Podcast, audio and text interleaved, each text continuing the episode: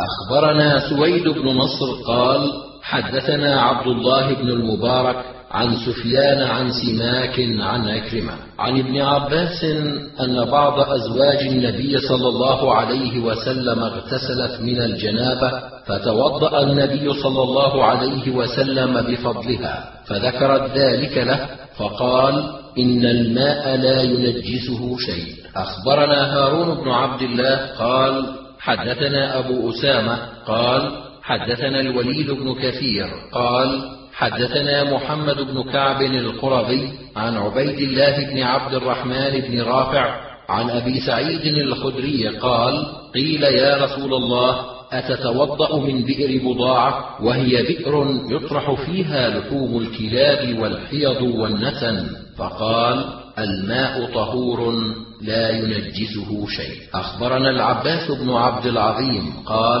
حدثنا عبد الملك بن عمرو قال حدثنا عبد العزيز بن مسلم وكان من العابدين عن مطرف بن طريف عن خالد بن أبي نوف عن سليط عن ابن أبي سعيد الخدري عن أبيه قال مررت بالنبي صلى الله عليه وسلم وهو يتوضأ من بئر بضاعة فقلت أتتوضأ منها وهي يطرح فيها ما يكره من النتن؟ فقال الماء لا ينجسه شيء. أخبرنا الحسين بن حريث المروزي قال حدثنا أبو أسامة عن الوليد بن كثير عن محمد بن جعفر بن الزبير عن عبيد الله بن عبد الله بن عمر عن أبيه قال سئل رسول الله صلى الله عليه وسلم عن الماء وما ينوبه من الدواب والسباع.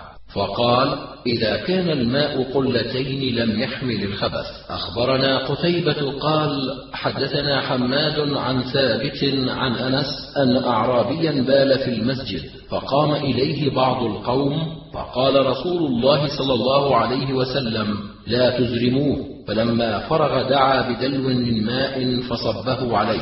أخبرنا عبد الرحمن بن إبراهيم عن محمد بن عبد الواحد عن الأوزاعي عن عمرو بن الوليد عن الزهري عن عبيد الله بن عبد الله عن أبي هريرة قال قام أعرابي فبال في المسجد فتناوله الناس فقال لهم رسول الله صلى الله عليه وسلم دعوه وأهريقوا على بوله دلوا من ماء فإنما بعثتم ميسرين ولم تبعثوا معسرين. أخبرنا الحارث بن مسكين قراءة عليه وأنا أسمع عن ابن وهب عن عمرو وهو ابن الحارث عن بكير أن أبا السائب حدثه أنه سمع أبا هريرة يقول قال رسول الله صلى الله عليه وسلم لا يغتسل أحدكم في الماء الدائم وهو جنب. أخبرنا قتيبة عن مالك عن صفوان بن سليم عن سعيد بن أبي سلمة أن المغيرة بن أبي بردة أخبره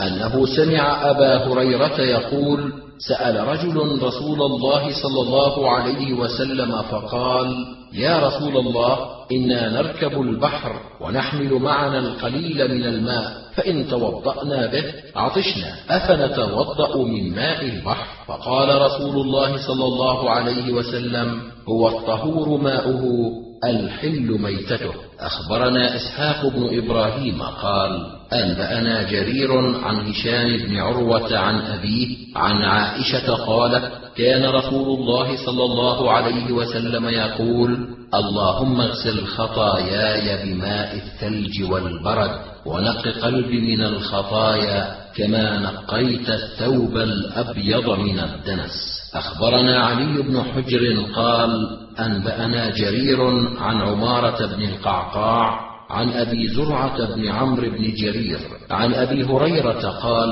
كان رسول الله صلى الله عليه وسلم يقول اللهم اغسلني من خطاياي بالثلج والماء والبرد. أخبرنا علي بن حجر قال أنبأنا علي بن مسهر عن الأعمش عن أبي رزين وأبي صالح عن أبي هريرة قال قال رسول الله صلى الله عليه وسلم إذا ولغ الكلب في إناء أحدكم فليرقه ثم ليغسله سبع مرات. أخبرنا محمد بن عبد الأعلى قال حدثنا خالد يعني بن الحارث عن شعبة عن أبي التياح قال سمعت مطرفا عن عبد الله بن مغفل أن رسول الله صلى الله عليه وسلم أمر بقتل الكلاب ورخص في كلب الصيد والغنم وقال إذا ولغ الكلب في الإناء فاغسلوه سبع مرات وعفروه الثامنة بالتراب. أخبرنا عمرو بن يزيد قال حدثنا بهز بن أسد قال حدثنا شعبة عن أبي التياح يزيد بن حميد قال: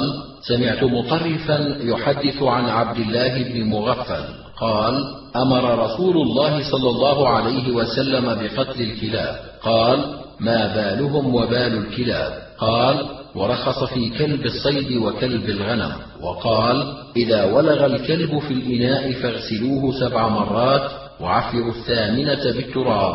خالفه أبو هريرة فقال إحداهن بالتراب. أخبرنا إسحاق بن إبراهيم قال أنبأنا معاذ بن هشام قال حدثني أبي عن قتادة عن خلاس عن أبي رافع عن أبي هريرة أن رسول الله صلى الله عليه وسلم قال إذا ولغ الكلب في إناء أحدكم فليغسله سبع مرات أولاهن بالتراب. أخبرنا إسحاق بن إبراهيم قال حدثنا عبدة بن سليمان عن ابن أبي عروبة عن قتادة عن ابن سيرين عن أبي هريرة عن النبي صلى الله عليه وسلم قال: إذا ولغ الكلب في إناء أحدكم فليغسله سبع مرات أولاهن بالتراب. أخبرنا قتيبة عن مالك عن إسحاق بن عبد الله بن أبي طلحة عن حميدة بنت عبيد بن رفاعة عن كبشة بنت كعب بن مالك أن أبا قتادة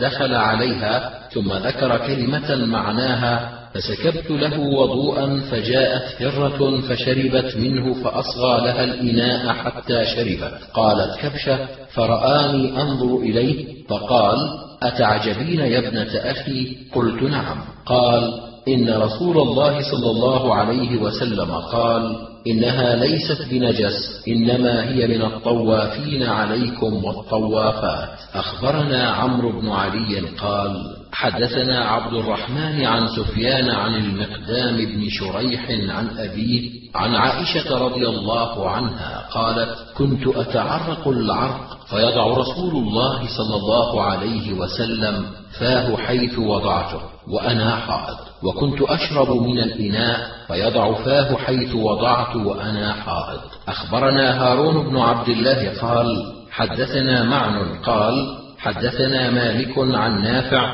عن ابن عمر قال كان الرجال والنساء يتوضؤون في زمان رسول الله صلى الله عليه وسلم جميعا. أخبرنا عمرو بن علي قال حدثنا أبو داود قال حدثنا شعبة عن عاصم الأحول قال سمعت أبا حاجب قال أبو عبد الرحمن واسمه سوادة بن عاصم عن الحكم بن عمرو أن رسول الله صلى الله عليه وسلم نهى أن يتوضأ الرجل بفضل وضوء المرأة. أخبرنا قتيبة قال حدثنا الليث عن ابن شهاب عن عروة عن عائشة أنها كانت تغتسل مع رسول الله صلى الله عليه وسلم في الإناء الواحد.